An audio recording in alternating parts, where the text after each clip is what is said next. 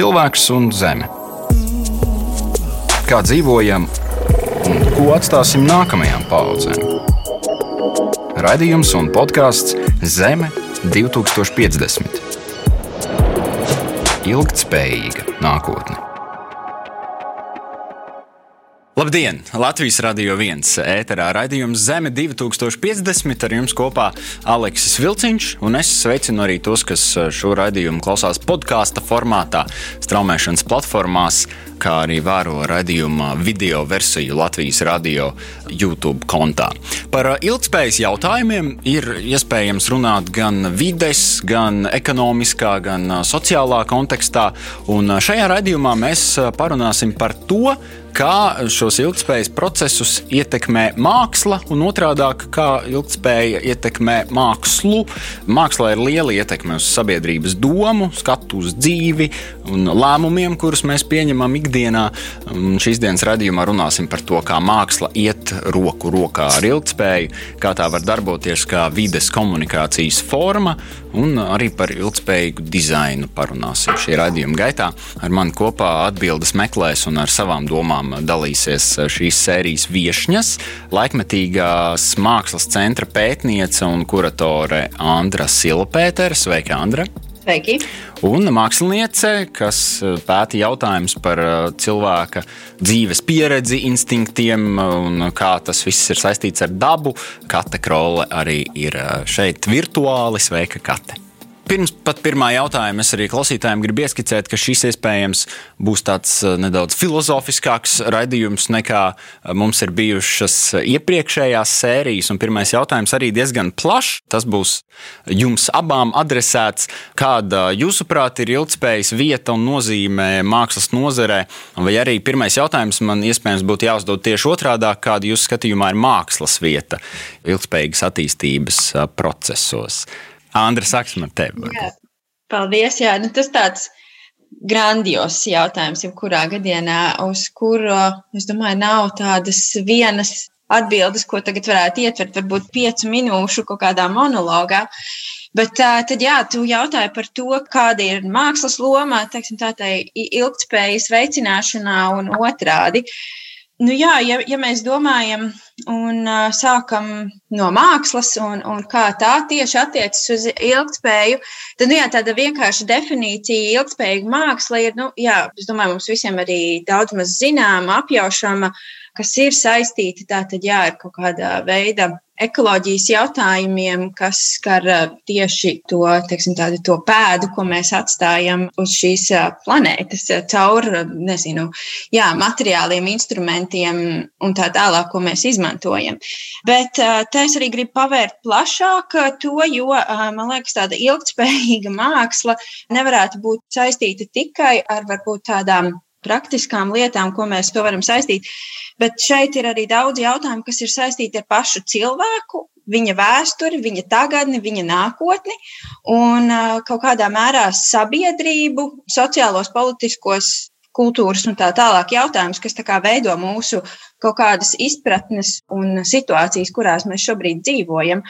Un tad arī ir šis brīdis, kur ienāk māksla, kā tāds sava veida instruments, kas var mums palīdzēt izprast šos jautājumus ar jā, tādiem radošiem paņēmieniem, simulācijām vai kaut kāda veida tāda spekulēšana par dažādu veidu faktiem. Un kaut kā mēģināt uz viņiem paskatīties um, citādāk. Nu, kaut vai, piemēram, mēs šobrīd mēģinām saprast, kas ar mums notiek šajā pandēmijas brīdī, kad jā, mēs redzam, viss apkārt jūk un brūk. Un tad, jā, māksla ir un var būt šis instruments, kā pas, pagriezt šos jautājumus no citas perspektīvas un paskatīties uz šīm problēmu zonām. Kate, vai tev ir kas papildināms? Un uh, vēl viens jautājums, vai māksla vispār var uh, nebūt ilgspējīga? Jā, man liekas, ka māksla mūsdienās jau ir ļoti sazarojusies, un viņa var būt gan ilgspējīga, gan neilgspējīga. Nu, tās mākslas formas ir ļoti dažādas. Ieskaitot arī, runājot arī teiksim, par dzīvo performanci. Vai, nu, jā, manuprāt, laikam pirmais, kas man nāk prātā atbildot uz to jautājumu par mākslas ilgspējību, ir tieši tāds domas vai sajūta koncepta lieta, kas iet cauri laikiem, un ar to arī man liekas, ka tā ilgspējība tiek nodrošināta. Nu, nevis tā ir vairāk tā materiālā puse, jo tie mēdīji vai instrumenti vai materiāli, kas tiek izmantoti, paužot vēstījumu caur mākslu, tas, kas var būt mainīgi vai kas, kas var tikt atkārtots, bet uh, tieši tā sajūta vai doma par to, kas notiek Nu jā, es vienmēr skatos kaut kādu ar to individuālo cilvēku prizmu, kas patiesībā atspoguļo to kolektīvo kontekstu, kurā mēs dzīvojam. Un, man liekas, tas ir tas, kas arī ir visilgspējīgākais, kas ir, jā, ko jau arī Andra minēja, kas ir par to cilvēka pagātni, tagadni un to nākotni. Kas ir tas cilvēciskais vai nemainīgais, kas ir gājis cauri laikam un ies cauri laikam, un tajā tas iekļauj kaut kādus tos cilvēciskos pārdzīvojumus vai pieredzi dzīves laikā. Un, protams, kad mainās laiki un mainās tie konteksti, bet uh, pa lielam jau tie dzīves cikli un tās uh, lietas, ko mēs pieredzam vai pārdzīvojam, vai kāds ir tas mūsu uzdevums dzīves laikā, tas jau tas paliek nemainīgs, ejot cauri gadsimtiem un laikiem. Tā, man liekas, ir tā galvenā ilgspējība. Par mākslas ilgspēju runājot, vai ir kādi faktori, vai traucēkļi, vai apdraudējumi, kas traucētu mākslas nozaru šim ritējumam, ierastajās sliedēs, vai ir tādi izsmeļamie resursi mākslas nozarē? Nu, es domāju, māksla, ja es varu sākt, māksla jau arī ir cieši saistīta ar kaut kādu to infrastruktūru savā veidā, ko mēs paši esam, kā mēs būvējam to savu ikdienu, savu dzīvi, kas ir kaut kādā mērā neatgriežamas saites, kas ir tieši šī kaut kāda kapitālisma sabiedrības eksistēšana šobrīd. Un, um, un par tiem izsmeļamiem resursiem. Tad, uh, nu jā, vispār man liekas, jā, šis pandēmijas brīdis tieši tāpēc arī ir tāds uh, ārkārtīgi, nu, viņš ir sāpīgs, visiem diezgan traumatisks. Uh, man liekas, ļoti.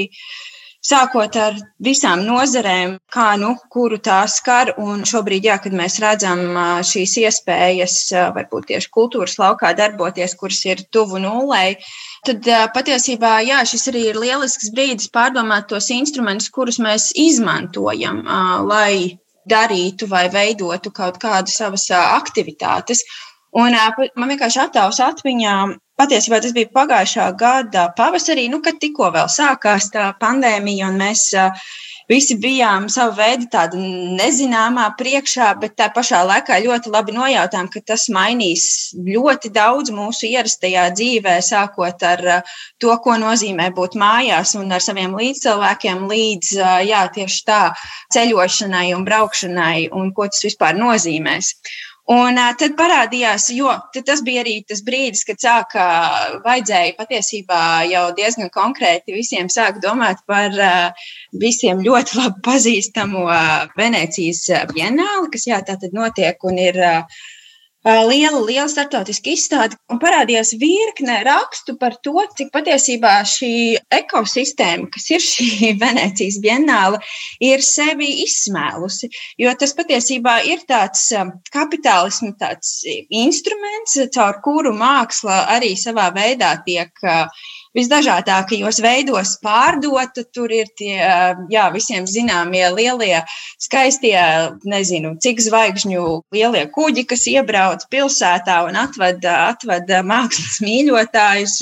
Un līdz jā, tādām ballītēm, kas ilgst un, un patiesībā jā, beigās savā veidā šo mākslas jēgu nostum līdz nekam. Nu, jā, un tad sākās šīs diskusijas eh, par to, kā, kā tad mainīt šo sistēmu, kurā mēs dzīvojam, jo tā jau nav tikai Venecijas bienāla, bet tā ir arī globālāka infrastruktūra, kas ir šīs daudzās bienāles, mākslas bienāles, kas notiek pasaulē, kas ir savā veidā šis tāds tirgus mehānisms, kurš tiek darbināts un griezts, un savā veidā viņš, viņš atstāja šo arī tādu diezgan lielo rētu arī tādā ekoloģiskā aspektā, domājot par pasauli ar šiem daudzajiem lidojumiem un grantiem un rezidencēm, kas, kas tātad iet krustnēm šķērsām. Un, jā, un tas pavasaris bija tāds brīdis, kad mums ir jāpārdomā, kā mēs mainām, mainām to savu nākotni. Un, um, jā, un tas absurdais ir tas, ka mēs pēc šī gada vēl joprojām to neesam izdomājuši. Un kaut kādā mērā atgriežamies pie tām vēlmēm, atkal griezt to riteni tādā pašā dinamikā, kā tas, kā tas griezās iepriekš. Kā te, vai tev kas piebilstams, varbūt tev nāk prātā vēl kādi resursi ir izsmeļami mākslā? Jā, es nezinu, man, man no kā tādas manas mākslinieces perspektīvas, tie šķiet tie visizņemamākie, nu, kad ik pa, ik pa laikam tie resursi, tīri iedvesmas resursi, nu, protams, ka viņi tiek izsmelti. Un, tajos brīžos ir vajadzīgs kā, uzkrājums, nezinu, kā aka, kas iztukšojās, un tad tev ir jāgaida atkal, jādod laiks, kamēr tie ūdeņi satek un kamēr tev atkal viņi ir pilni un tu vari smelt. Nu, tas, man liekas, tīri no tāda radošā procesa ir arī kaut kāds pilnīgi dabisks process, ka tev ir vai, brīžiem vajadzīgs vairāk laiks, brīžiem mazāks, lai to savus resursus atjaunotu. Bet, um, ja runājam par tādiem, nezinu, materiāliem resursiem, man liekas, ka mēs jau ļoti labi tomēr kā cilvēki mākam vai tiecamies, vai atrod, ja mums ir tāda nepieciešamība, mēs tomēr ļoti labi pielāgojamies. Un es domāju, ka piedzimstot jau bērns ar to, nu, viņi, viņi pielāgojās vislabāk, un mēs jau tādi paši vien esam, tikai mazliet paaugušies. Tā kā man liekas, ka tādā ziņā, lai radītu, man liekas, ka mēs vienmēr atradīsim kaut kādus resursus. Andra, vai tu varētu pastāstīt vairāk par uh, Latvijas laikmatīgās mākslas centra darbību? Kādi ir uh, jūsu mērķi un uh, kā jūs savā ikdienas darbā redzat mākslas ietekmi uz sabiedrības procesiem un, un attīstību? Jā, Latvijas laikmatīgās mākslas centrs darbojās jau 21. gadu. Pagājušajā gadā mēs svinējām savu apaļo jubileju. Un, nu jā, un, ja mēs runājam par mākslas centra darbības fokusiem, tad jā, lielā mērā tie izriet arī no kaut kādas tādas mūsu tās struktūras, kas ir saistīta ar to, ka mums ir arhīvs. Mēs uzkrājam un veidojam arhīvu, Latvijas laikmatīgās mākslas arhīvu. Un līdz ar to tas mūs ved pie pētniecības un lielā mērā kaut kādā šajā sasaistē ar šo interesi izzināt un pārdomāt mūsu neseno pagātni vai arī jā, senāku pagātni, un kā caur šo jautājumu pārskatīšanu mēs varam jā, saprast tās mūsdienu tagadnes realitātes un varbūt arī projicēt kaut kādas nākotnes iespējas sabiedrībā. Un nu, tie jautājumi, ar kuriem mēs strādājam, ir ciešā mērā saistīti ar sociāliem, politiskiem, ekonomiskiem faktoriem, kas eksistē mūsu sabiedrībā, un kaut kādā veidā izaicināt jā, šo jautājumu pārdomāšanu un tā tālāk. Un viens varbūt no mūsu atpazīstamākajiem, tas, ko mēs darām, ir, jā, katru gadu veidojam festivālu Survival Kit kas savā veidā jā, pārdomā jā, šīs dažādas izdzīvošanas formas, ar kurām mēs saskaramies varbūt katru gadu, mainoties kaut kādām ideoloģiskām, politiskām vai, vai, vai jā, cilvēku kustībai sabiedrībā. Un caur šiem jautājumiem tad paskatīties gan paši šeit lokāli uz mūsu sabiedrību un identificēt tos jautājumus, ar kuriem mums būtu jāstrādā un kuri mums būtu jāaktualizē. Un, jā, un tad arī skatīties plašāk. Un tad mēs tagad arī esam inicējuši diezgan, man liekas, daudz interesantus projektus, kas mēģina pārskatīt to mūsu neseno vēsturi, jā, ar tiem centieniem domāt par to, kā mēs varētu radīt tādu ilgspējīgu, ilgspējīgāku sabiedrību. Jo šobrīd mēs apjaušam to, ka mēs dzīvojam tādā diezgan sakaitētā vidē, kas jā, saskarās ar šiem jautājumiem, ar šo nevienlīdzību, neiecietību pret vienalga, lai arī kas būtu šie jautājumi. Par um, mākslas kā komunikācijas formas nozīmi mēs arī paturpināsim. Katē es vēlos vērsties pie tevis, tavos darbos, mm. cilvēka un uh, vides, cilvēka un dabas miedarbībai arī ir liela loma. Kas tevi, varētu teikt, pamudināja raudzīties šajā virzienā? Jā, man laikam nav tā, ka uh, ir bijis kaut kāds īpašs pamudinājums, bet man kaut kā liekas, ka man tas ir iekšā dabiski. Tas vienkārši tā notiek tajā radīšanas procesā man vienkārši liekas, ka tā saikne starp cilvēku dabu ir nenoliedzama un acīm redzama. Līdz ar to tas veids, kā es runāju par šīm saiknēm, no manas puses, viņš nāk diezgan dabiski. Es nezinu, vai to var saistīt ar kaut kādu, man liekas, bieži tiek minēts, ka latviešiem vai Baltijā vispār, vai ziemeļtautām, ka tas ir jau iekšā iebūvēta tā dabas saikne, tā nepieciešamība runāt caur dabu, ar dabu kopā manā uzturē, mēs jau patiesībā esam daļa no tā. Un, jā, man liekas, grūti iedomāties, kā tas ir, ka tas ir jāpieliek klāt vai par to īpaši jādomā. Bet skatoties ārzemju kontekstā, nu, runājot arī par globāliem dabas jautājumiem, kad man liekas, ka mums ir vieglāk pie tā piedomāt vai atgriezties pie tā, kas mums jau ir iekšā iebūvēts, un tad citur, man liekas, tas ir krietni vairāk aizmirsts, un tas tiek vairāk, tas vairāk ir jāinicē un jākonstruē, lai par to domātu un lai to iesaistītu arī māksl, mākslā un ar mākslas valodu par šiem jautājumiem runātu, kad man liekas, ka tādā mūsu ziemeļnieku kontekstā tas notiek krietni dabiskāk. Un, nu, katrā ziņā man tas arī noteikti, un arī cik es redzu kolēģiem, tas gandrīz vai ir tāda nepieciešamība vai tāda saikne savijusies, ka tu nemaz nezini, kā savādāk runāt tajā mākslas valodā, kā dabas kontekstā.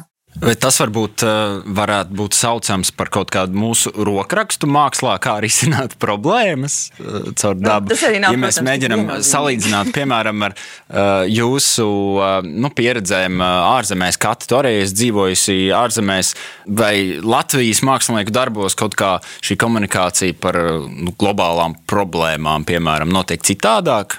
Kā jau es minēju, man liekas, tas notiek dabiskāk. Nu, nu, krietni organiskāk, man liekas, ka tas notiek. Un, uh, Jā, nu, jā ārzemē man liekas, ka māksliniekiem tas ir. Uh, tur jābūt viņiem īpašam aicinājumam par šiem jautājumiem, domāt. Uh, jā, viņiem vairāk tas aicinājums ir globāls un politisks, un tad viņi pievēršās šiem jautājumiem. Ja, man liekas, ka mūsu kontekstā tas ir jau dabisks process, un tad izrādās, ka Nu, es, piemēram, par to tā neaizdomājos, bet kāds no malas, vai, piemēram, atnāk Andra kā kurators un saka, ej, bet tu taču runā par to, un es saku, ah, jā, tiešām es runāju par to.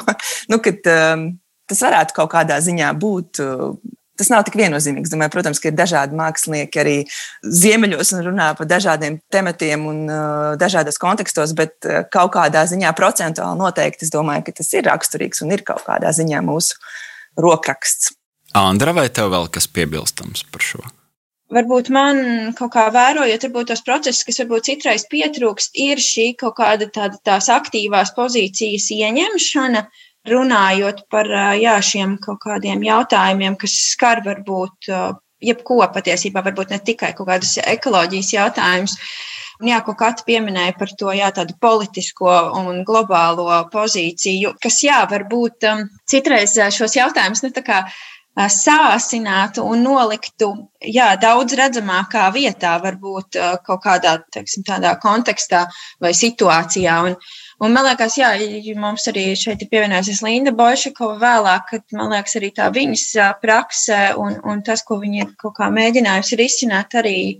Uh, varbūt, jā, var, viņa arī var. Jā, nē, tam es arī varu piekrist, ka, nē, nē, nu, es noteikti arī varu piekrist, ka tā dabiskā būšana ar dabu mazliet apgrūtina, jā, nu, tā kā spērt to politisko soli vai par to runāt skaļāk, tāpēc, ka tas liekas tik dabiski, ka tu, ka tu neaizdomājies par to, ka, hei, bet man taču vajadzētu par to varbūt runāt skaļāk, vai, vai lai tos atzird arī, nu, tā kā, vai sajūt arī citi, kas Jā. par to īstenībā dabiski neaizdomājās. Tā, tā ir taisnība, ka tas atkal ir tā kā varbūt mazliet netik pozitīvais eh, latviešu tā iezīme, kad viņi tā kā dzīvo it kā saskaņā un viss ir labi, bet viņi neaizdomājās, ka par to varētu arī parunāt eh, mazliet skaļāk, lai eh, savukārt tie, kas nav aizdomājušies par to, varētu aizdomāties un pievērsties tam. Nu, tā ir taisnība, ka tā ir. Jā, tās problēmas, ar kurām mēs arī šeit saskaramies, viņas jau ir nu, tikpat aktuālas. Un, jā, jā, jā. Un, jā, jo nu, jā, tā sabiedrība jau mēs ļoti labi redzam, ka mēs tomēr vēl joprojām neesam visi vienojušies par, mm. par kaut kādu to ilgspējīgu, kaut kādu kopā dzīvošanu. Un, un varbūt, ja mēs varam ar šo mākslas palīdzību par to runāt, tas ir jāmaliekas. Uz kuru pusi pasaule griezīsies pēc dažām desmitgadēm? Ekspertu spriedumi, risinājumi un prognozes. Radījums un podkāsts Zeme 2050. Ilgtspējīga nākotne. Paturpināsim mēs ar dizainu. Par ilgspējas jautājumiem, kā jau es teicu, redzējuma sākumā mēs varam runāt gan ekonomiskā, gan vidas, gan sociālā kontekstā. Un tieši sociālos un vides jautājumus savos darbos izceļ arī nākamais viesis, kuru es vēlos iesaistīt mūsu sarunā. Tas ir mākslinieks un dizainers Artūrs Analts. Sveiks, Artur! Čau, čau, čau, čau tev!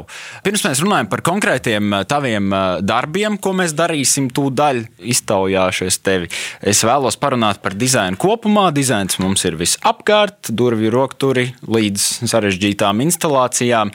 Kā tu sev iekšēji tulko terminu ilgspējīgs eh, dizains? Vai runājam mēs tikai par lietotiem materiāliem vai par kaut ko vairāk? Neradīt dizainu vispār, tas būtu ilgspējīgi, man liekas netaisīt produktus, neko neražot. Man liekas, tas būtu gan ilgspējīgi. Jo es nezinu, nu, tie, ne, nu kā, nu, protams, ka materiāli jā, tas ir svarīgi, bet, uh, bet nu, tas ir ļoti mazs aspekts. Ja, ja tur ir packagings kaut kāds, kur tu izmanto tur pārstrādātu vienalga papīru vai ko, nu, tas jau nenozīmē, ka tas viss produkts ir ilgspējīgs, ka tā ražošana ir ilgspējīga.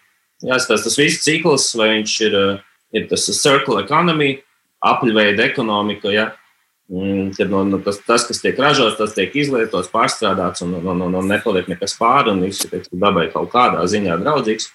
Bet, nu, man liekas, ka problēma ir vienkārši tāda, ka mēs eh, pārražojam visu. Jebko. Tas nenozīmē tikai priekšmetu, arī digitāli visu, visi, visas platformas, kas patērē tiksim, enerģiju. Viņas vienkārši tiek pārražotas. Man liekas, ka tā ir tā lielā problēma. Eh, mākslas kontekstā runājot, vai mākslu var pārražot, jūsuprāt, šis ir atklāts jautājums arī uh, arī Andra un Kate tev. Bet ar to tavs domas? Jā, es domāju, ka noteikti. Es domāju, ka tas ir tas, kas notiek. Uh, viens ir, nu, teiksim, pāržot labi, tas kāda tā pēda, vai ne, teiksim, uh, ja tu izmanto tur. Uh, Pēkšņi visi mākslinieki izmanto tur vienas veida krāsu, nu tas ir, tas ir smieklīgi, bet es domāju, pāržots ir tas ekonomikas tas modelis mākslā. Mēs runājam par naudu. Un tas, es domāju, tā nav ilgspējīga, teiksim, vide patreiz. Un es domāju, jā, ka tas ir laikam tas, Tas, ko es sākumā minēju, jā, par to Venecijas vienāls piemēru, kur, mm. kur nu jā, tā jau vairs nav tāda vieta, kur māksla ir šis centrs. Šeit patiesībā jā, tā vienāla ir jau vairs tāds uh, ekonomisks aprēķins, kur un kā, kurš sevi pozicionē un kā nu, spēj pārdot. Vienāla, manuprāt, ir, ir um, cits aspekts, jo atšķirās, teiksim, art fēri no Bienālas. Man liekas, ka tas ir tas, ko ļoti daudz mākslinieku, ļoti daudz mākslinieku nesaprot. Atšķirības starp Bienālēm un ārtvēriem. Bienālēs, teiksim, nu, arī droši vien, protams, ka pārdot, bet tomēr vairāk izrāda. Un tad ir atšķirība to, to ko izstāda, ko vajadzētu izstādīt, ko, teiksim, rāda tajās dienās. Es tā nepiekritīšu, bet man liekas, jo tā ir patiesībā šeit runa ir par sistēmu, kuru mēs ražojam, lai kaut kādi šie procesi notiktu. Uh, Un, uh, tas, tas arī, man liekas, bija viens no pārmetumiem pagājušā gada Venecijas Bienālē, ka patiesībā viņi bija ārtfērs. nu, jā, tāpēc tu tur nevar īsti novilkt tās, tās robežas.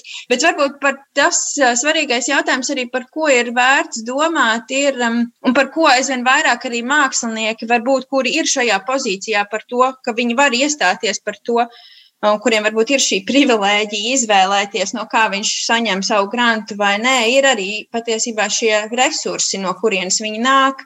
Jo tikpat labi tādu honorāru jā, samaksā kāds, nezinu, ieroču tirgotājs un tā tālāk. Un tā tālāk. Un tās ir, ir tādi kompleksie jautājumi, kuri ir šī kaut kāda tās kapitālisma sabiedrības. Nē, nu labi, tad jautājums ir, kāpēc darbu spēku vispār mākslu?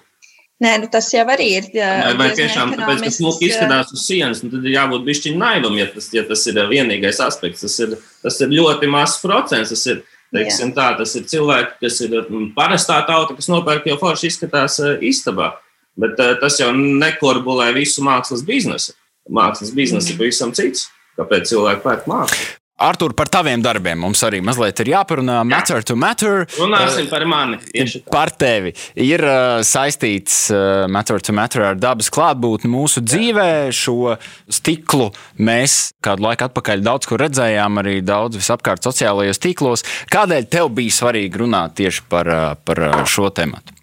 Viņš ir ļoti daudzslāņains darbs. Teiksim, nu, dabas aspekts ir noteikti teiksim, tur vizuāli kaut kā viņš ir, viņš ir tas primārais, ko uztver. Bet uh, tur ir ļoti daudz teiksim, tēmas arī. arī teiksim, nu, tā, tas, kas man uzrunāja man pašu tajā darbā, ir tas, ka mēs esam pieraduši pie ekrāniem mūsdienās. Mēs esam touchscreenos, vai mēs esam telefonos, iPados, mēs visu aiztiekam ar pirkstiem, mēs, mēs viens ar otru komunicējam caur pirkstiem savā ziņā. Un, nu, tas, ko es gribēju parādīt šajā darbā, ka tieši tāda paša veida komunikācija, paņemt to pirkstu un paskrolēt, pieskarties tam ekrānam, kurš manā gadījumā nebija digitāls, bet uh, dabīgs, tad tu komunicē ar dabu. Un tu atstāji to savu nospiedumu, bet uh, daba ņem virsroku un tas, tas tavs nospiedums pazūd. Un man liekas, tas ir tas aspekts, kas teiksim, mani uzrunā tajā darbā. Bet, protams, ka cilvēki atrod visādus teiksim, vēl, vēl slāņus, par kuriem varbūt neaizdomājies. Šis bija tas mans eh, primārais tas mērķis - parādīt to dabas nozīmi mūsu digitālajā vidē.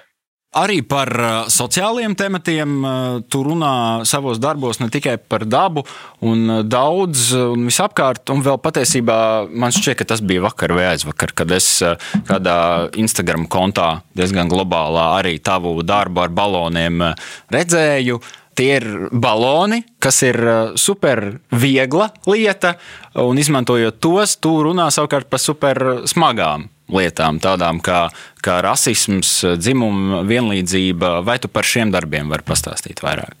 Es negribēju tur baigi līst teiksim, tajās visās tādās tajās tēmās iekšā, bet es gribēju vienkārši ar diezgan asprātīgu, viegli uztveramu, smieklīgu veidu, kas ir balons, parādīt to, tās tēmas, kas tieši šobrīd ir teiksim, aktuāls. Skaidrs, ka viņas tur mainās tā, tā ir tāda maza kolekcija ar tiem darbiem, ar balonu darbiem, kas uzpūšās un izlaiž gaisu diezgan tādā interesantā un savā ziņā tādā maģiskā veidā.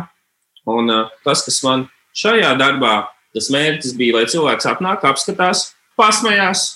Bet tas ir balons, kas piepūšās, bērni tur paskatās, apsmējās, pasmējās vai nepasmaida. Uztver to darbu ar humoru, bet pēc uh, pāris sekundēm viņi saprot, ka paga, paga, paga, tas nemaz nav tik smieklīgi.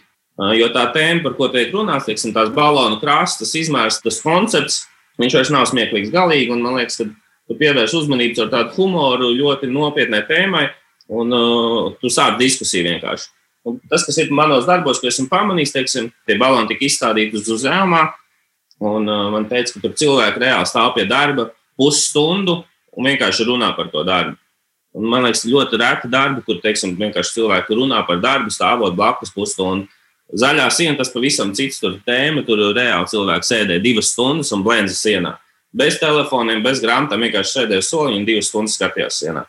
Kā, man liekas, tas ir interesanti, ka nu, cilvēks tas uzrunā un viņa aizdomājās uh, par savām tēmām, savām problēmām, par pasauli. Un, un tas ir tas, kas manos darbos ir svarīgs. Tās emocijas, cilvēku emocijas man ir svarīgas. Jā.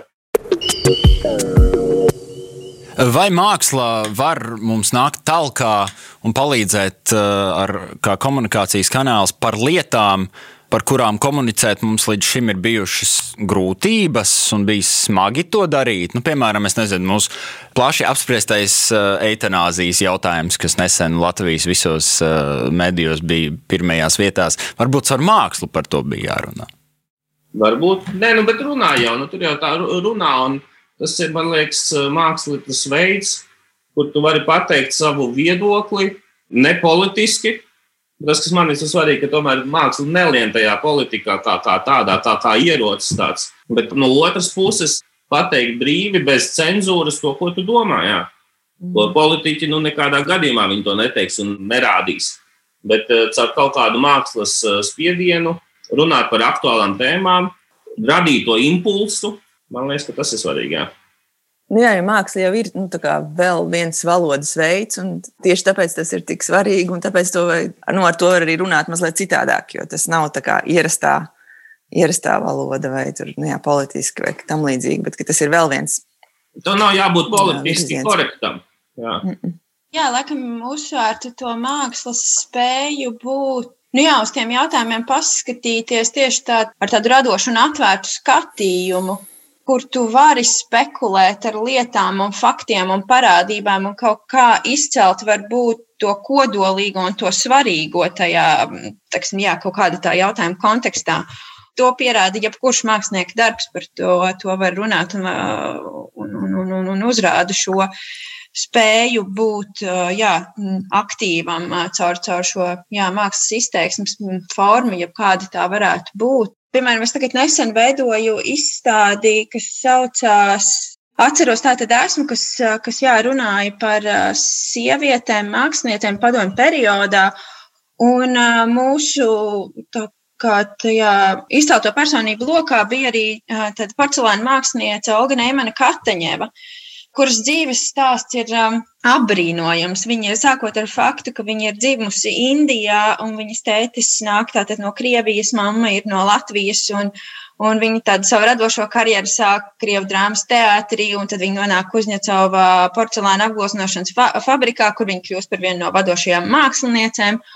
Un kaut kā caur to savu kultūras bagāžu un tiem apgleznotajiem traukiem viņa ir spējīga runāt par, um, vēl joprojām šodien skatoties uz šiem traukiem, runāt par uh, jā, šīm aktuālajām cilvēciskajām vērtībām un kaut kādiem tam krustpunktiem mūsu vēsturē, kur notiek tātad, jā, šī dažādā kultūru miedarbība un kā patiesībā šajā gadienā viņas māksla, kas izmanto diezgan daudz, jā, varbūt tādus slāviskus un austrumu motīvus, patiesībā šobrīd. Jā, kaut kādu tās mūsu pašu vēstures dēļ, kur, kur mēs iz, jā, ļoti stipri esam pārliecināti par to nacionālo un nacionālajām vērtībām, izdzēšam šīs vēstures laukā. Un, Un tas ir ļoti svarīgi, kad tu paņem šo darbu un tu caur viņu spēji reģistrēt tos plašākos savas vēstures vai tagadnes jā, stāstus. Un, jā, un māksla ir šis instruments, kam ir šī spēcīgā, spēcīgā izteiksmes forma. Par mākslu kā instrumentu mēs turpināsim runāt arī raidījuma turpinājumā. Šajā brīdī es teikšu paldies Artūram Analtam. Artūr, paldies, ka pieslēdzies. Jā. Gaidām laiku, kad varēsim tavus darbus arī klātienē redzēt atkal. Nu jā, labs, Lai tev veiksmīga diena!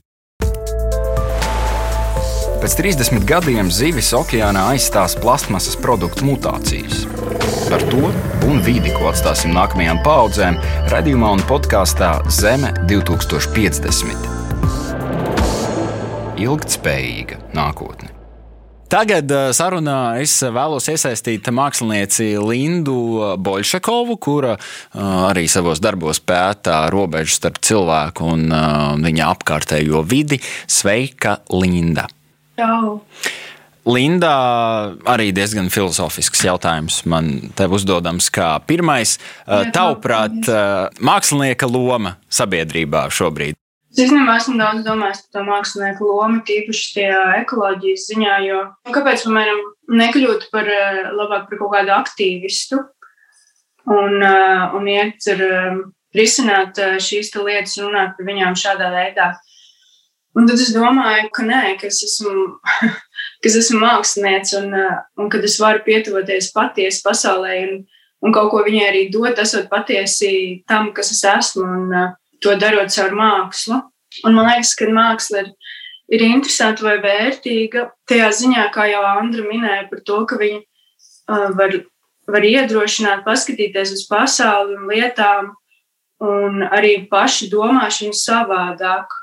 Un, um, un tīri varbūt netika utilitārā veidā, jo tad, kad mēs redzam mākslu, bieži vien mēs viņu nevaram, piemēram, praktiski izmantot. Mēs viņu nevaram, dažreiz var, bet uh, bieži vien nevar, piemēram, viņu apēst vai uh, nevar, piemēram, viņai pat pieskarties. Un tieši tas, ka viņu nevar šādi izmantot, man liekas, ir tas vērtīgais, jo ne viss tas, ko mēs redzam sev apkārt, ir uh, domāts cilvēku kaut kādai izmantošanai. Un man liekas, tas ir kaut kā arī tas vērtīgais mākslā. Linda, tu strādā ar dažādiem uh, mēdījiem, performanci, instalācijām, fotografiju. Varbūt jautājums, kā tu izvēlējies formātu īsto, kurā runāt par uh, šīm uh, tēmām un problēmām? Piemēram, ja par ilgspēju runājam.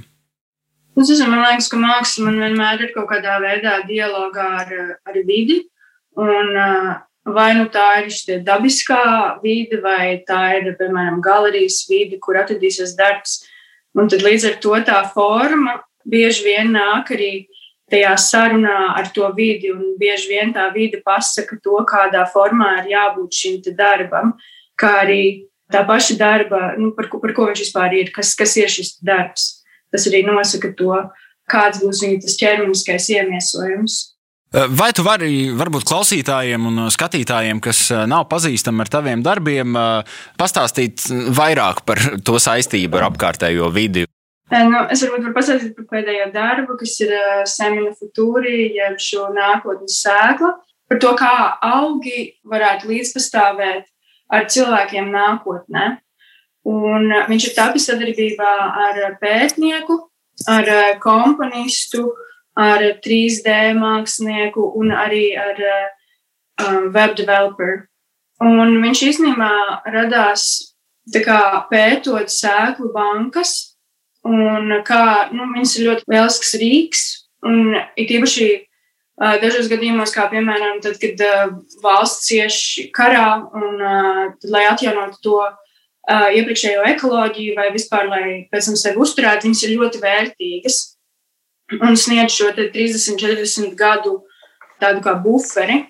Nu, un ļoti labs kā, cilvēku sasniegums, jeb, vai, vai izgudrojums, lieta, ko mēs darām, kā, lai, lai glābtu to ekosistēmu.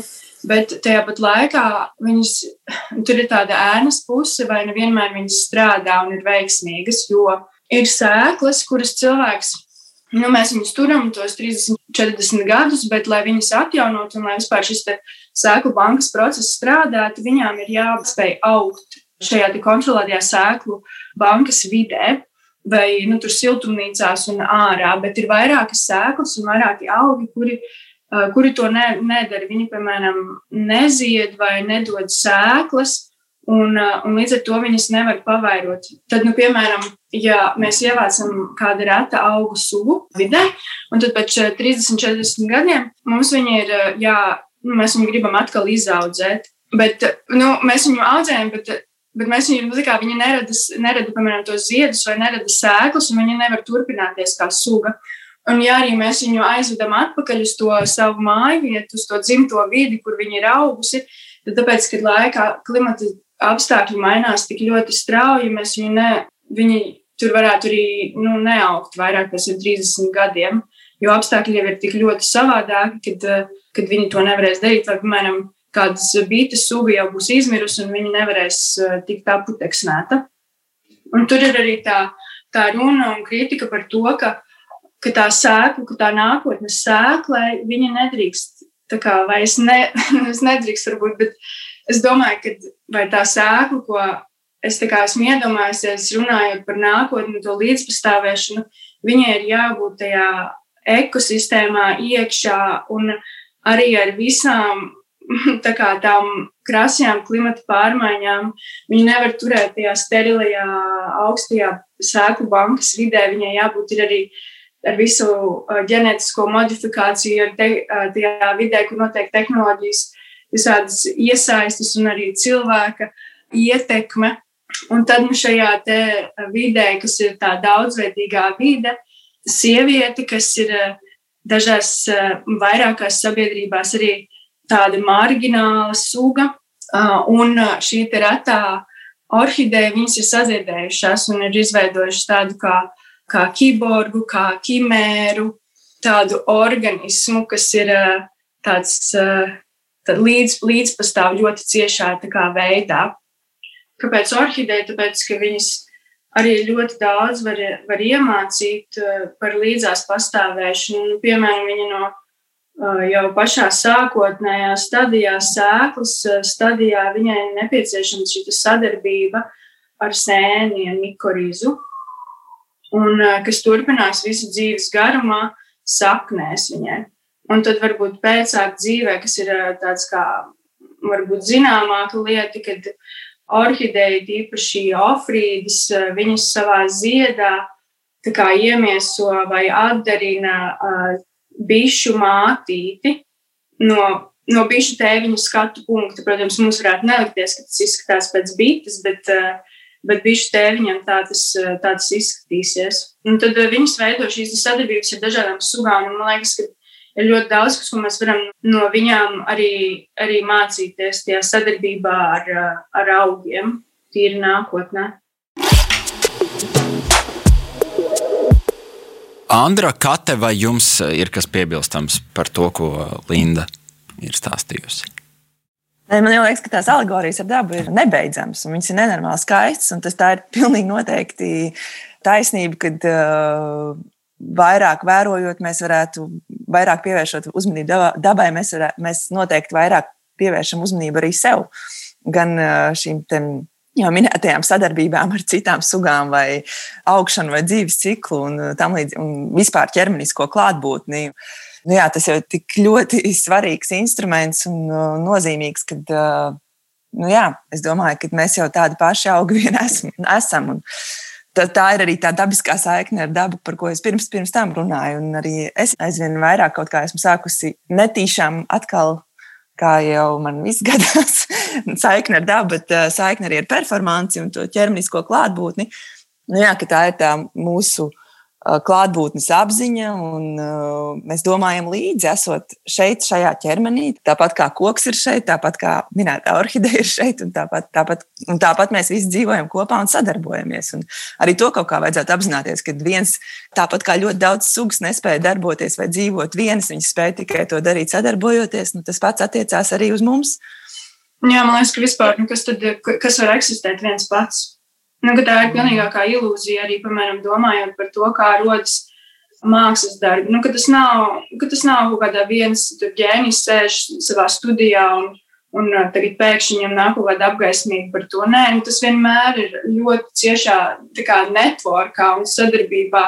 Linda Bošakova, māksliniece, bija uh, kopā ar mums. Linda, paldies, ka pieslēdzies. Paldies par tavu komentāru. Paldies. Lai tev brīnišķīga diena. Mēs dodamies tālāk cilvēks un zeme. Kā dzīvojam un ko atstāsim nākamajām paudzēm? Radījums un podkāsts Zeme 2050. Ilgtspējīga nākotne. Es atgādinu klausītājiem un skatītājiem, ka šodien mēs redzējumā Zeme 2050 runājam par to, kāda nozīme ilgspējīgā attīstībā ir mākslai. Un ar mani virtuāli studijā ir kopā laikmetīgās mākslas centra pētniece un kuratore Andra Silapētera un māksliniece Kate Krolle. Latvijā norisināsies nu, jau 25.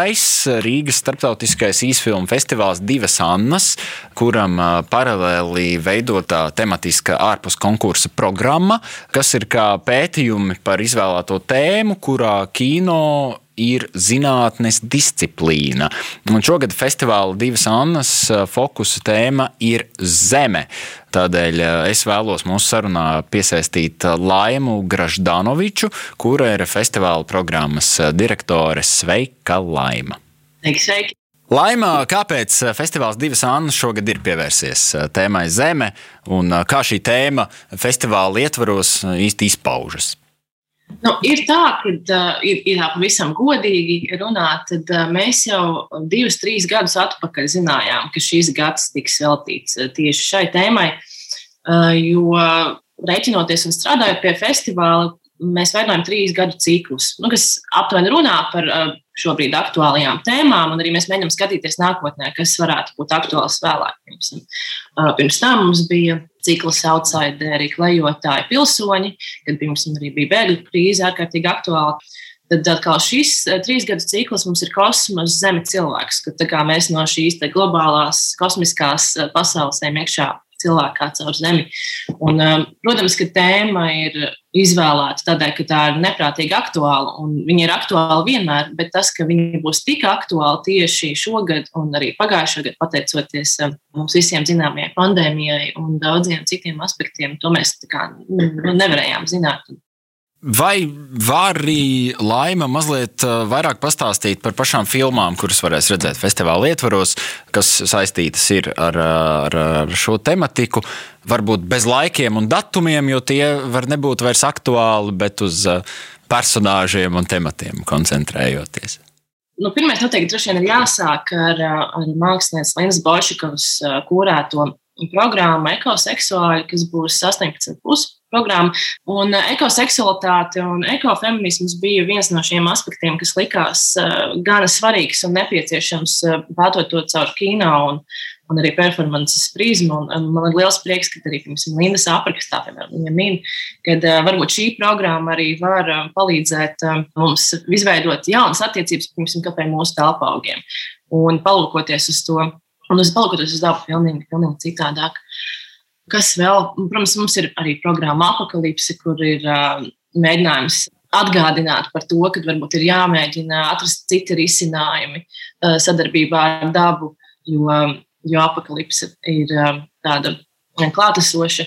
Ir arī tēma par antropocēnu, ko, ja, ja, ir, ja ir interese, ko mums um, kūrē Džeks Springdalī, kurš ir kino žurnālists uh, no Nīderlandes, kur tiek aplūkots tas um, teikt, cilvēka epicentrs mūsu dabas pārmaiņās. Un tad, protams, ir, uh, ir programma, par ko man pašai ir liels prieks, kas ir tapusi sadarbībā ar Vides risinājumu institūtu un arī ar topošo izstādi lauka pētījumu, kas norisināsies vasarā Cēsīs ko kūrē Julians Nuhums Kulibāli nosaukumu dabiski. Un, šis ir tāds tā jaunums arī priekš mums, priekš festivāla, ka mēs mēģinām lauzt šīs robežas, ka īsfilma ir tikai um, kaut kas, ko mēs skatāmies. Nu, labi, kinoteātrī tas ir viens šobrīd online, bet, ka, ja, mēs, ja mēs tiešām vēlamies izpētīt kādu tēmu, tad mēs nevaram palikt tikai kaut kāda iedomāta kino robežās. Un šajā gadījumā, nu, ja mēs mēģinām iet plašāk, Vēl, Laima, es tev vēlos tādu vēl vispārīgāku jautājumu uzdot par mm, vispār to, ko kino žanrs dod uh, vidas komunikācijai un uh, ilgspējas komunikācijai, ko varbūt uh, nespēja dot citas mākslas formas. Kas ir tas uh, kino pienesums īpašais? Viens, kas man nāk prātā, ir tas, ka mēs varam visdažādākos nākotnes scenārijus burtiski apsēsties un noskatīties, kā tas viss varētu izspēlēties. Jā, tas ir viens ļoti, ļoti labs variants. Vēl viena lieta, kas man liekas interesanta un tieši raksturīga īsfilmām, tīpaši nu, to arī var komentēt īsfilmu kuratori, ir tas, ka īsfilma ir ļoti portabls un ātrs mākslas veids. Nevienmēr, bet viņš tāds var būt.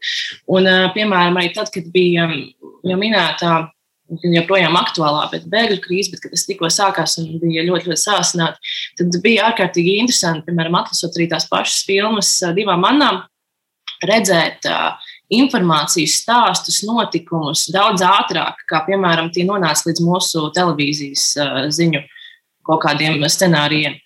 Un šie empātiskie vēstījumi un tas, tas ātrums, kā viņi varētu nonākt no vienas pasaules malas otrā, man liekas, ir arī ļoti, ļoti spēcīgs aspekts tam. Un uh, vēl viena lieta, kas varbūt neatiecās tikai uz kino, bet attiecās arī uz mākslu kopumā, man ļoti aizkustināja dabas pētnieka, dabas advokāta Uģa Rotberga uh, pārcitāts, ko viņš minēja arī mūsu diskusijā par eh, pieslēgšanos biotopam, par to, ka, ja mēs, eh, piemēram, vēlamies um, audzēt eh, kumelītes, tad mums ir jādomā kā kumelītēm. Mums ir, mums ir jāzina un jājūtās kā kumelītēm, lai to varētu darīt.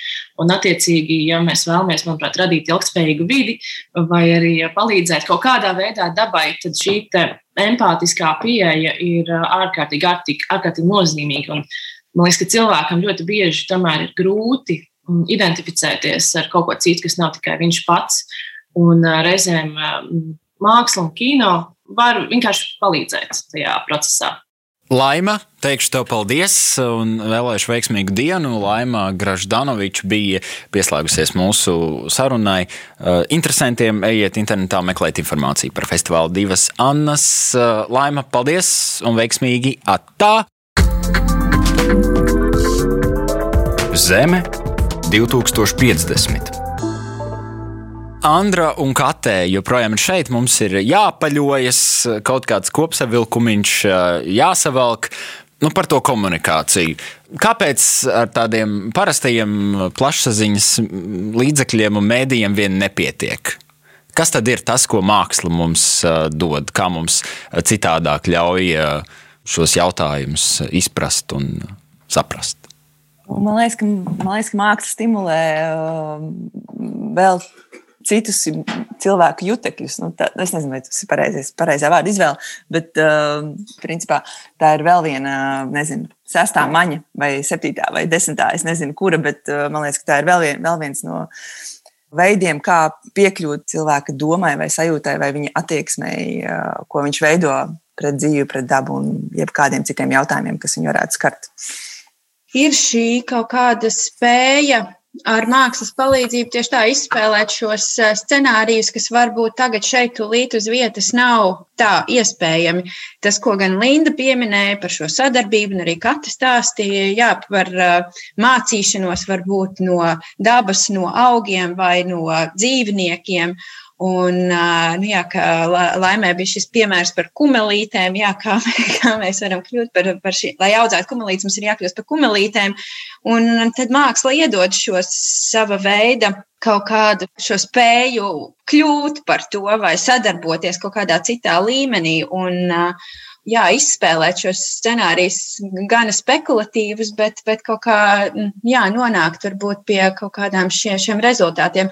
Un, uh, tas ir, man liekas, arī kaut kas, kas tiek darīts. Un tieši tā mākslā sadarbojoties ar zinātni, ko teiksim, ļoti daudz dara uh, Riks C, uh, Rasa un Raita Šmiti, kur, kur jā, šīs zināšanas par dabu, par ekoloģiju, uh, par to, kā, kā, kas notiek mums apkārt, tiek savienotas ar ļoti praktiskām zinātniskām teorijām vai iespējām, kā mēs caur krustojot šīs dažādas zināšanas, kas ir jānāk no cilvēka un nāk no dabas, varam jā, iegūt kaut kādus jā, en, jaunus enerģijas resursus. Un, un to arī jā, plaši dara teiksim, diezgan pasaulē jāzināmais MIT kur ir šī atsevišķā arī nodaļa, kuras sadarbojās māksla un zinātne, radot šos jaunos instrumentus, kā, kā mums eksistēt šajā pasaulē tieši caur šo radošumu.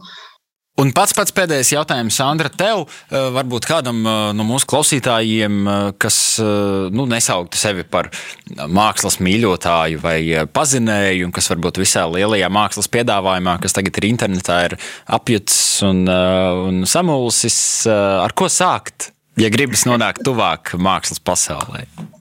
Nu jā, tieši tā, šis, šis varbūt ir tāds mulsinošs brīdis, kur jā, mums pēkšņi ir šis lielākais vai ekrāna laiks, kur, kur tev ir pieejama šobrīd jau izstāde Ķīnā bez braukšanas uz, uz, uz turieni. Un, un ar to, ar ko sākt, droši vien jautājums būtu sev, kas ir tavas intereses un, un ko tu varbūt mēģini papildināt sevi vai, nu, negluži varbūt atrast atbildes uz kaut kādiem globāliem jautājumiem. Bet, nu, jā, droši vien ir jautājums par to, par, par sevi, par savām interesēm un par kaut kādu to savu vidi. Un droši vien, ja jau mums ir tas dators un tā iespēja ienirt šobrīd, jebkamā, tad, tad varbūt arī droši mesties